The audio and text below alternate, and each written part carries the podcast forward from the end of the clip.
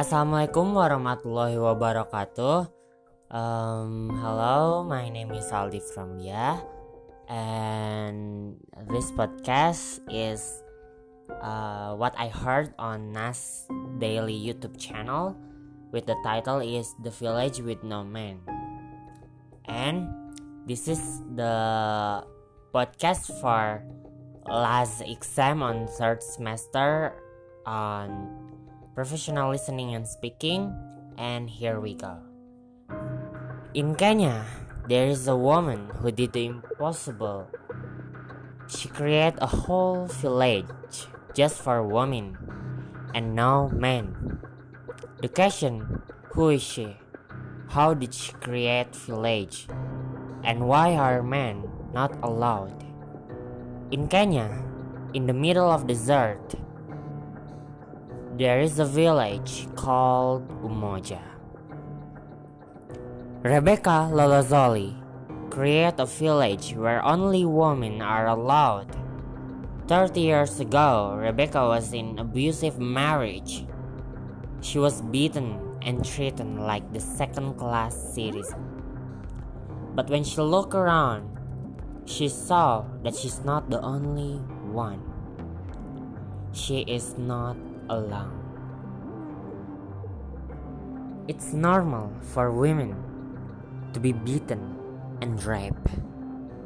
It's normal for girls to be married as kids. Rebecca asked the authorities to help them, but no one helped them. So, one day, she and a group of 14 women decided to create their own world. And they said that they don't need men. They can make it our own. No men are allowed to live there. This is what happened when women get chance. They succeed. They can build the society. They can lead. They can run business. They can thrive.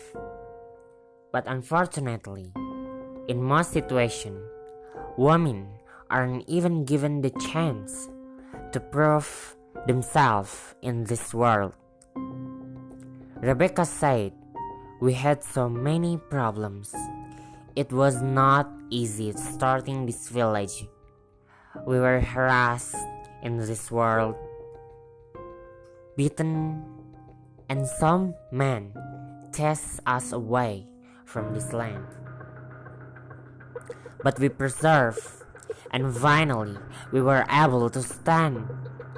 Our government need to make better policies to protect and give more chances to women and we have to respect women so that one day not just this Umoja village but the whole planet will be a place where women can succeed.